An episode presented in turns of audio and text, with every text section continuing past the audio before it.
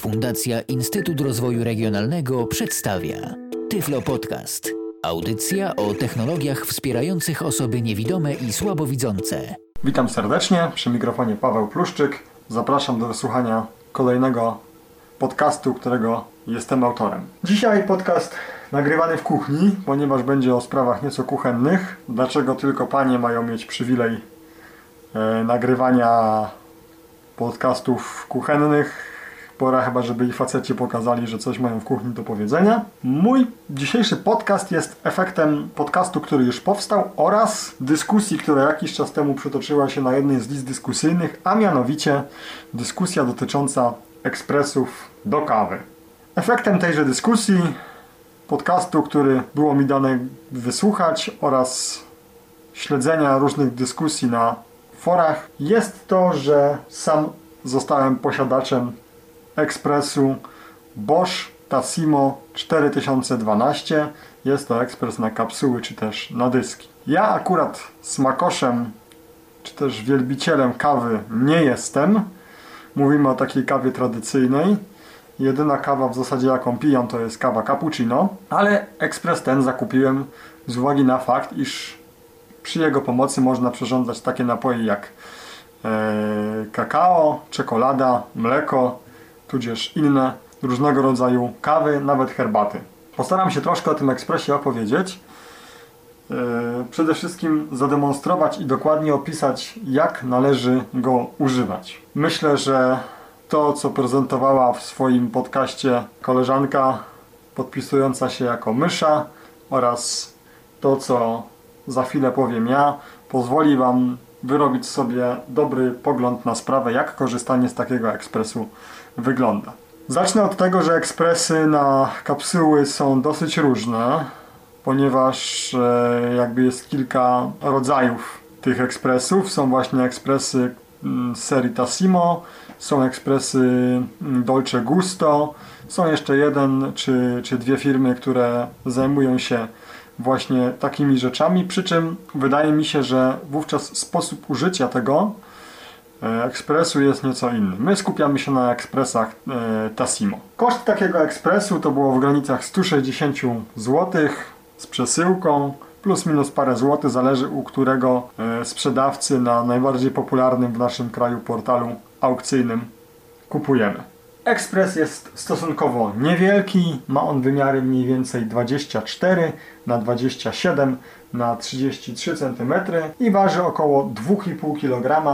Oczywiście, gdy nie mamy pełnego pojemnika na wodę. Pojemnik na wodę ma pojemność 2 litrów. Ekspres ten składa się z dwóch ruchomych elementów, to znaczy dwa ruchome elementy, które są wyjmowane, stanowią jego, że tak powiem, części niejako zewnętrzne. Pierwsza z nich to jest pojemnik na wodę. Pojemnik wykonany jest z plastiku. Niestety jest to plastik dosyć cienki, więc w wypadku upadku takiego pojemnika, na pewno gdy jest pełny, to mamy stuprocentową pewność, że ten plastik pęknie. Sądzę, że w wypadku, jeśli ten pojemnik jest pusty, a upadnie nam na przykład na jakieś tam kafelki czy płytki w kuchni, no to siłą rzeczy możemy się już z takim pojemnikiem pożegnać. Mówiąc szczerze, nigdzie nie widziałem, żeby coś takiego można było dokupić, więc podejrzewam, iż wtedy wiąże się to po prostu z kupnem na nowe ekspresu. No mimo tego, że takie ekspresy nie są jakoś szczególnie drogie, to jednak zalecam ostrożność. Natomiast drugim elementem to, to była właśnie filiżanka, z której będziemy korzystać przy korzystaniu z tego właśnie ekspresu. Natomiast drugim elementem jest pojemnik ociekowy. Ta sytuacja z tą filiżanką przed chwilą była dowodem na to, że to wszystko jest spontaniczne i w żaden sposób nie reżyserowane. Pojemnik ociekowy składa się z dwóch elementów. Jeden jest to w pełni plastikowy kubek, który jest jakby spodnią częścią. Natomiast element drugi jest to kubek taki plastikowo-metalowy, ponieważ jego górna część jest metalowa, który wkładamy w tenże właśnie kubek, o którym wspomniałem przed chwilą. Jak słychać, e, element wchodzi jeden w drugi, przy czym prowadnice, które są w tym kubeczku pozwalają nam tak jak trzeba wpasować jeden element w drugi bez obawy o to, że coś będzie nie tak. W górnej części tego właśnie drugiego kubka, tej metalowej, są takie otwory, które po na przykład przelaniu się przez krawędź, jeśli podstawimy za małe naczynie w stosunku do napoju, jaki przygotowujemy, tudzież jeśli coś tam nam kapnie poza, poza obrys naczynia, e, wpada do tego kubka i mamy wtedy tutaj wszystko czysto, tak jak trzeba, nic nie jest pochlapane. Możemy później ten kubeczek wyciągnąć, rozłożyć, wylać wodę i założyć go z powrotem. E, co jest istotne, to to, że jeśli podstawiamy naczynie, e, w którym chcemy zrobić napój, dokładnie pod otwór, z którego ten napój nam wycieka, nie zdarzyła mi się sytuacja, aby coś się pochlapało, czy gdzie coś się rozprysnęło. Ten kubek, dwa w jeden, wkładamy po prawej stronie ekspresu i on również jest wyprofilowany w ten sposób, jak i miejsce, w którego wkładamy, że nie ma możliwości popełnienia jakiegokolwiek błędu, czy tam wsadzenia czegoś nie tak jak należy. Pojemnik, o którym wspominałem w pierwszym rzędzie, czyli pojemnik na wodę, również jest wykonany w taki sposób i jego mocowanie, że nie ma możliwości założyć czegoś na odwrót, tak więc mamy stuprocentową pewność, że wpasujemy go tak jak należy. Również e, przykrywka pojemnika wyprofilowana jest w taki sposób, że nie popełnimy żadnego błędu. Tyle mniej więcej jeśli chodzi o te elementy ruchome, które są w tymże ekspresie. Teraz kwestia obsługi. Ekspres posiada tylko jeden przełącznik i jeden przycisk. Ten przełącznik oraz ten przycisk znajdują się w prawej tylnej części ekspresu, czyli za tym pojemnikiem ociekowym, o którym opowiadałem przed chwileczką. Przełącznik jest to po prostu włączenie, wyłączenie zasilania. On znajduje się w płaszczyźnie poziomej. To jest taki pstryczek, elektryczek i przycisk, który jest na mikroswitchu, czyli taki po prostu, który sam automatycznie odskakuje, służy do uruchamiania ekspresu i tam wykonywania czynności, o których za chwilę opowiem. Dookoła tego przycisku jest taki pierścień, powiedziałbym nawet świetlny pierścień. W zależności od modelu ekspresu tych kolorów jest kilka. Akurat w tej uboższej wersji, jaką ja posiadam, są to trzy kolory. Mówię o tym dlatego, ponieważ e, sam jestem resztkowcem, a mam świadomość tego, że jednak jest spory odsetek osób, które mają powiedzmy jakieś takie nieco większe poczucie światła, czy też widzą na tyle, że te kolory mogą być dla nich bardzo przydatne. W tym wypadku są trzy kolory. Jest to kolor żółty, tudzież pomarańczowy. No dla mnie on jest żółty, sprzedawca, z którym rozmawiałem twierdził, że jest pomarańczowy, więc powiedzmy to jest takie e, ni przybiał, ni przyłatał. Kolor zielony oraz kolor czerwony. Ten kolor żółty, gdy włączymy ekspres, czyli tym przełącznikiem, o którym wspominałem, świeci cały czas światłem jednostajnym, sygnalizując nam gotowość do pracy, czyli taki jakby tryb standby. Odpowiednio kolor zielony i czerwony yy, sygnalizują inne kwestie. Kolor czerwony między innymi sygnalizuje na przykład yy, bądź to jakiś błąd, czy też yy, nieodpowiednią ilość już za małą ilość e, wody w pojemniku. Być może, tego jeszcze nie sprawdziłem, a niestety instrukcja do ekspresu, co jest pewną wadą, jest tylko i wyłącznie obrazkowa, nie ma instrukcji tekstowej. Być może sygnalizuje również potrzebę odkamienienia tego ekspresu. Na prezentacji takiej multimedialnej, którą znalazłem w sieci, była informacja, że po około 400 przygotowanych napojach istnieje potrzeba odkamienienia i wyczyszczenia tego ekspresu. No a jeśli pijemy załóżmy dwie kawki dziennie, miesiąc ma uogólniając 30 dni, no to stosunkowo łatwo policzyć, że jednak trochę potrwa nim e, będzie trzeba ten ekspres odkamieniać. Tak więc te kolory na tym pierścieniu są dosyć jasne, więc bez problemu e, osoba słabowidząca czy też jakiś tam resztkowiec jest w stanie sobie y, zilustrować to co w danej chwili się dzieje. Ekspres nie jest udźwiękowiony niestety, czyli jakiekolwiek włączenie bądź wyłączenie nie jest w żaden sposób y, sygnalizowane dźwiękiem, natomiast cały proces, y, który trwa jest na tyle, że tak powiem głośny, że wszystko jesteśmy w stanie wychwycić, o czym się za chwileczkę przekonamy. Teraz troszeczkę o tych kapsułach, czy też dyskach, które są tutaj sednem sprawy. Jak się już powiedziało, mamy możliwość robienia, przygotowywania różnych napojów, kilka rodzajów kaw.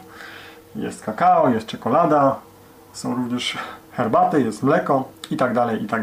Jak wygląda taka kapsuła? Tudzież taki dysk. Myślę, że każdy z Was kojarzy, ponieważ jesteśmy w kuchni, użyjemy kulinarnego porównania, takie paszteciki, jakie można kupić w sklepach, które to pasztety są w takich plastikowych pudełkach, a na górze jest taka jakby powiedzmy folia gruba, czy też taki cienki plastik, nie wiem jak byśmy to naz nazwali, ale trzymajmy się może określenia folia, którą, aby skonsumować ten pasztecik, trzeba zedrzeć, do którego to celu służy taki kawałek wystający, za który ciągniemy. Ta kapsuła, ten dysk, wygląda bardzo, bardzo podobnie do takiego właśnie pasztecika. Tyle tylko, że plastik, z którego jest wykonana jest dużo twardszy, a tej folii, o której wspomniałem, nie zrywamy. Ale również podobna właśnie taka folia tutaj występuje. Jest również takie odpowiednio wyprofilowane miejsce, jakby zaczep, za który możemy złapać. Do czego to służy, będę mówił o tym dosłownie za chwilę. Jak wygląda przygotowanie takiego yy, napoju? W zależności od tego, co przygotowujemy, napój nasz może się składać z dwóch składników. Czyli jeśli jest to na przykład czekolada, to jest to jakby esencja tej czekolady, plus drugim elementem jest mleko, które sprawia, że ta czekolada jest taką pianką. Ja przygotuję akurat w tym momencie inny rodzaj czekolady, który składa się jakby tylko z pojedynczych tych kapsuł. I jedna uwaga jeszcze dotycząca właśnie różnego rodzaju składników tudzież napojów. Przeważnie te napoje są pakowane po 16 dysków, jeśli jest to napój pojedynczy. Natomiast jeśli jest to napój podwójny, to mamy 8 plus 8, czyli 8 dysków załóżmy z tą esencją czekoladową plus 8 dysków z mlekiem. Dosyć łatwo to rozróżnić, ponieważ te dyski z tym mlekiem o, mam nadzieję, że to się uda. Słychać, tak? Że to mleko tam sobie w tej kapsule bulgocze, więc dla osoby niewidomej łatwo jest to rozpoznać, ponieważ tą esencją nie bulgoczą, bo to jest bardzo gęste, natomiast mleko, ponieważ jest, no mówmy się, to jest takie dosyć wodniste to mleko, no to ono tak sobie bulgocze w tej kapsule, więc łatwo jest się zorientować, co jest czym.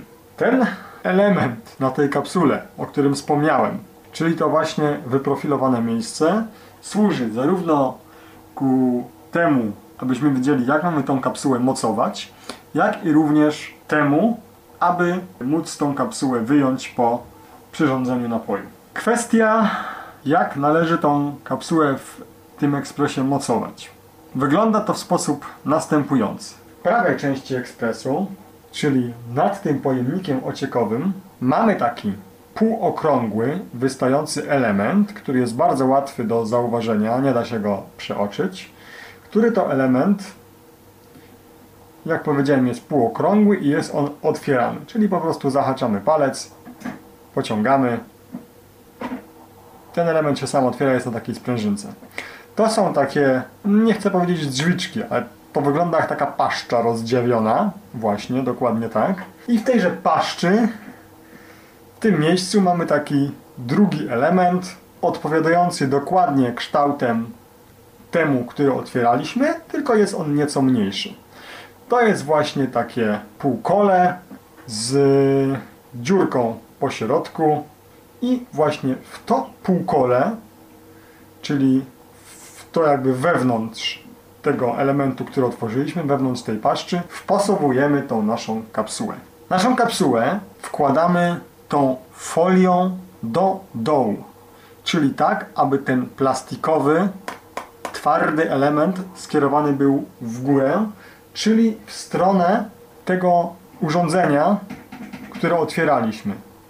W stronę tej paszczy właśnie, czyli w stronę tego pojemnika na ten dysk. Yy, Trochę to sobie może trudno wyobrazić, ale mm, proszę mi wierzyć, że jest to wszystko tutaj bardzo plastycznie yy, zrobione i bardzo łatwo sobie jest to zobrazować, gdy mamy już ten ekspres przed sobą. Jak powiedziałem, kapsułę wkładamy tą folią do dołu, przy czym właśnie ten element, o którym wspomniałem już kilkukrotnie, czyli służący do, do łapania tej kapsuły, jeśli chcemy ją wyciągnąć, wpasowywujemy dokładnie w odpowiednio wyprofilowane miejsce.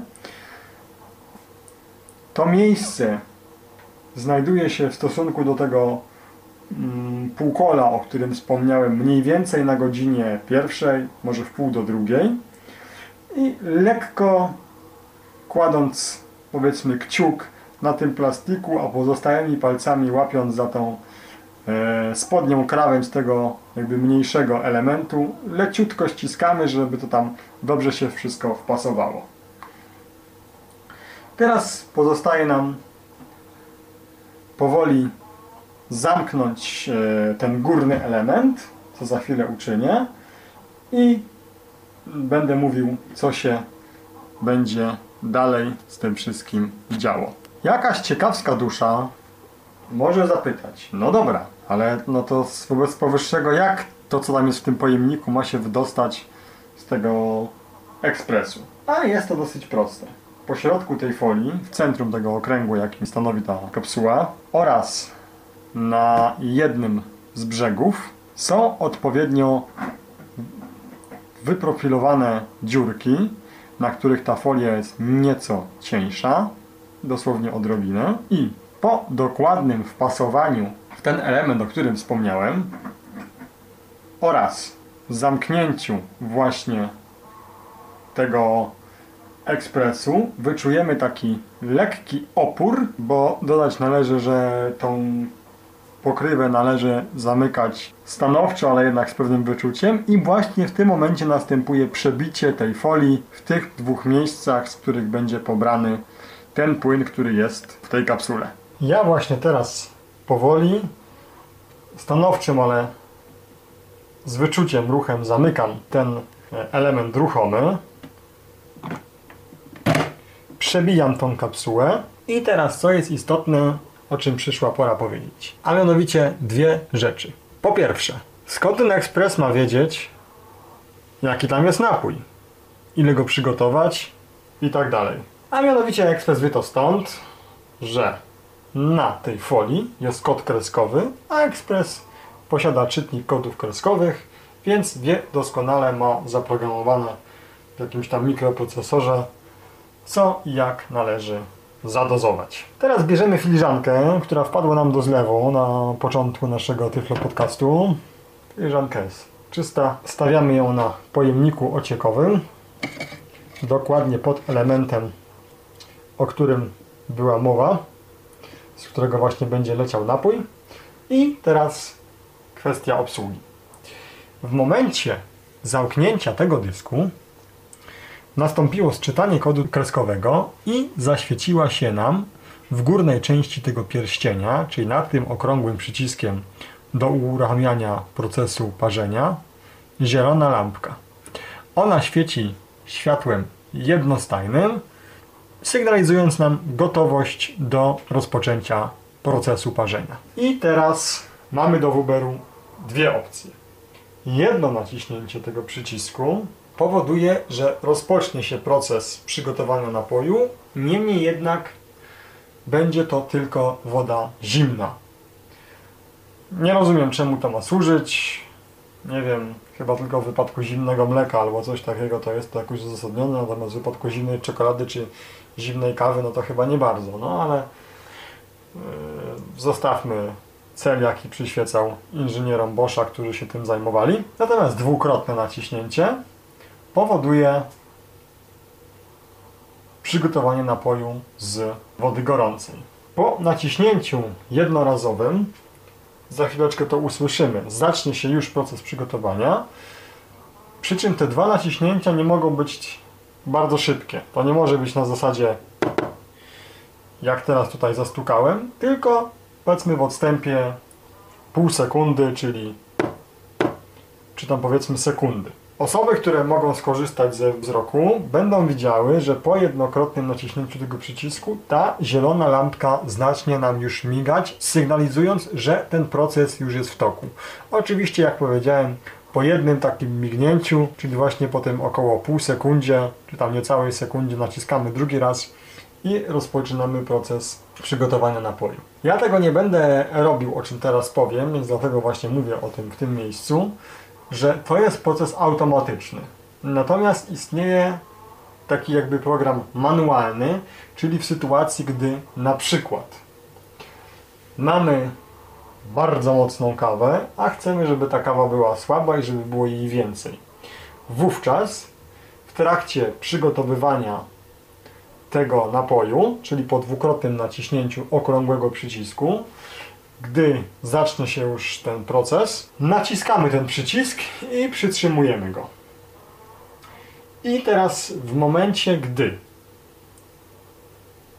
skończy się ten proces właściwy, czyli ten automatyczny i ta zielona lampka migająca w górnej części tego pierścienia przestaje migać, po krótkiej chwili przechodzi ona jakby na prawą stronę tego pierścienia, czyli miga mniej więcej na wysokości godziny powiedzmy sobie drugiej, również na zielono, z tym, że właśnie jakby jej przemieszczenie się sygnalizuje, że e, w tym momencie trwa już ten proces manualny. I wtedy albo korzystając tam z jakiegoś miernika, czujnika poziomu cieczy, bądź z własnego palucha, jeśli robimy to tylko dla siebie, a nie dla jakichś tam gości, możemy sobie kontrolować poziom tego napoju, który spływa nam do tejże filiżanki. Gdyby ktoś chciał korzystać z tej funkcji manualnej przy parzeniu na przykład czekolady, czy tam właśnie jakiejś kawy cappuccino, etc., to raczej tego nie polecam,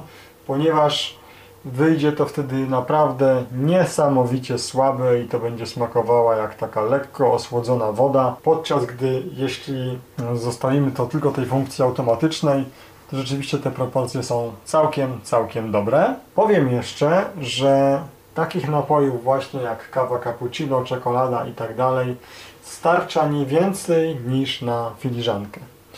Nie wiem, czy filiżanka ma 200 ml, nie mam pojęcia, nie znam się na tym, ale z praktyki mojej wynika, że właśnie filiżanka to jest optymalne naczynie, ponieważ jest ono wtedy w zasadzie całkiem pełne mm, i te proporcje są wtedy dobrze dobrane. A z teorii, czyli z tego co można wyczytać gdzieś tam w sieci, wynika, że jest to właśnie 200 ml. Teoria z praktyką przeważnie się nie pokrywa, ale to już jest insza inszość. Cóż, de facto wszystko zostało już powiedziane. Pozostaje teraz tylko i wyłącznie dwukrotne naciśnięcie przycisku i słuchanie, co też będzie się działo.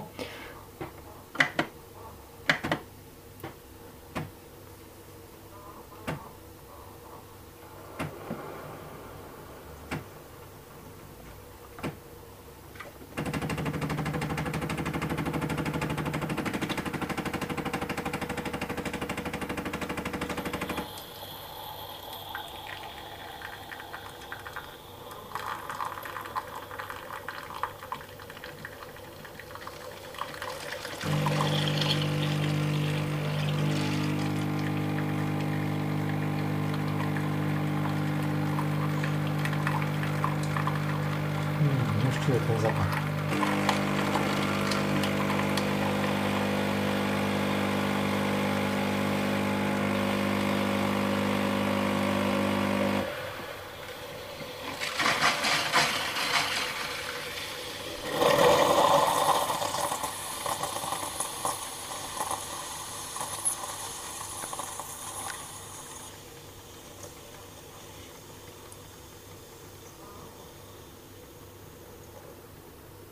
Pięknie to pachnie. Jak słyszeliśmy, ekspres nie pracuje jakoś wyjątkowo głośno. Cały proces przygotowania napoju trwa około minuty. I tutaj znów w żaden sposób dźwiękowo ekspres nie sygnalizuje zakończenia mm, tego procesu. Natomiast zielona dioda, która w fazie końcowej znów świeci światłem ciągłym, gdy wszystko dobiegnie końca, zostaje zastąpiona tą diodą, która sygnalizuje tryb standby, czyli żółtą, tudzież pomarańczową, jak zwał, tak zwał. Powiedzmy, że jest to jasno pomarańczowy, tudzież ciemno-żółty i wtedy mamy stuprocentową pewność, że ten proces został zakończony. Oczywiście można się kierować dźwiękiem, gdy usłyszymy, że nic już tam nie kapie, nic nie syczy i tak dalej.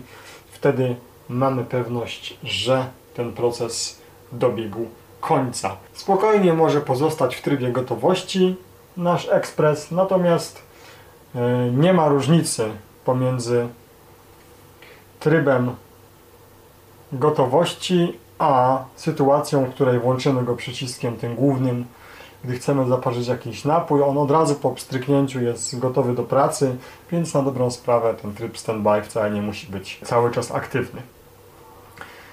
Jeszcze dwie uwagi. Ekspres y, pobiera moc około 1600 W w momencie przygotowania napoju.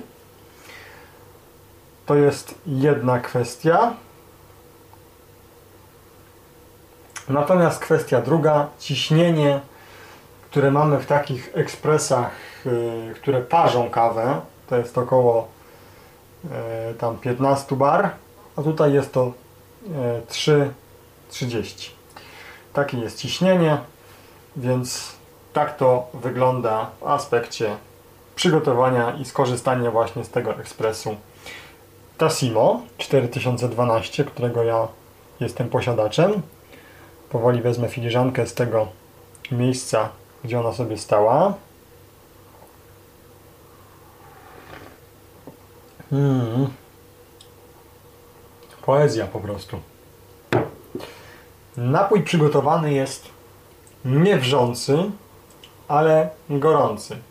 Czyli powiedzmy gwałtownie się nie można napić, ale w taki troszkę nieelegancki sposób jak ja można go delikatnie sobie sączyć. Przy czym biorąc pod uwagę, że jest to filiżanka stosunkowo niewielkie naczynie, więc stygnie to dosyć szybko. Także no niestety, wszystko co, co piękne szybko się kończy, więc długo takim napojem ciepłym delektować się nie możemy, ale gdzieś po powrocie w jakiś zimowy dzień do domu, gdzie staliśmy na przystanku, gdzie zmarzliśmy, czy też po prostu wieczorem, już po wszystkich czynnościach dnia codziennego, niemalże do łóżka, jakąś czekoladę, tudzież inny napój można sobie zaserwować. Gdyby ktoś miał do mnie jakieś pytania, na adres szczekotander.gmail.com może się ze mną skontaktować. Chętnie udzielę informacji dotyczących tego ekspresu. Wydaje mi się, że w wypadku osoby niewidomej nie ma sensu kupowania ekspresów bardziej wypasionych, ponieważ są one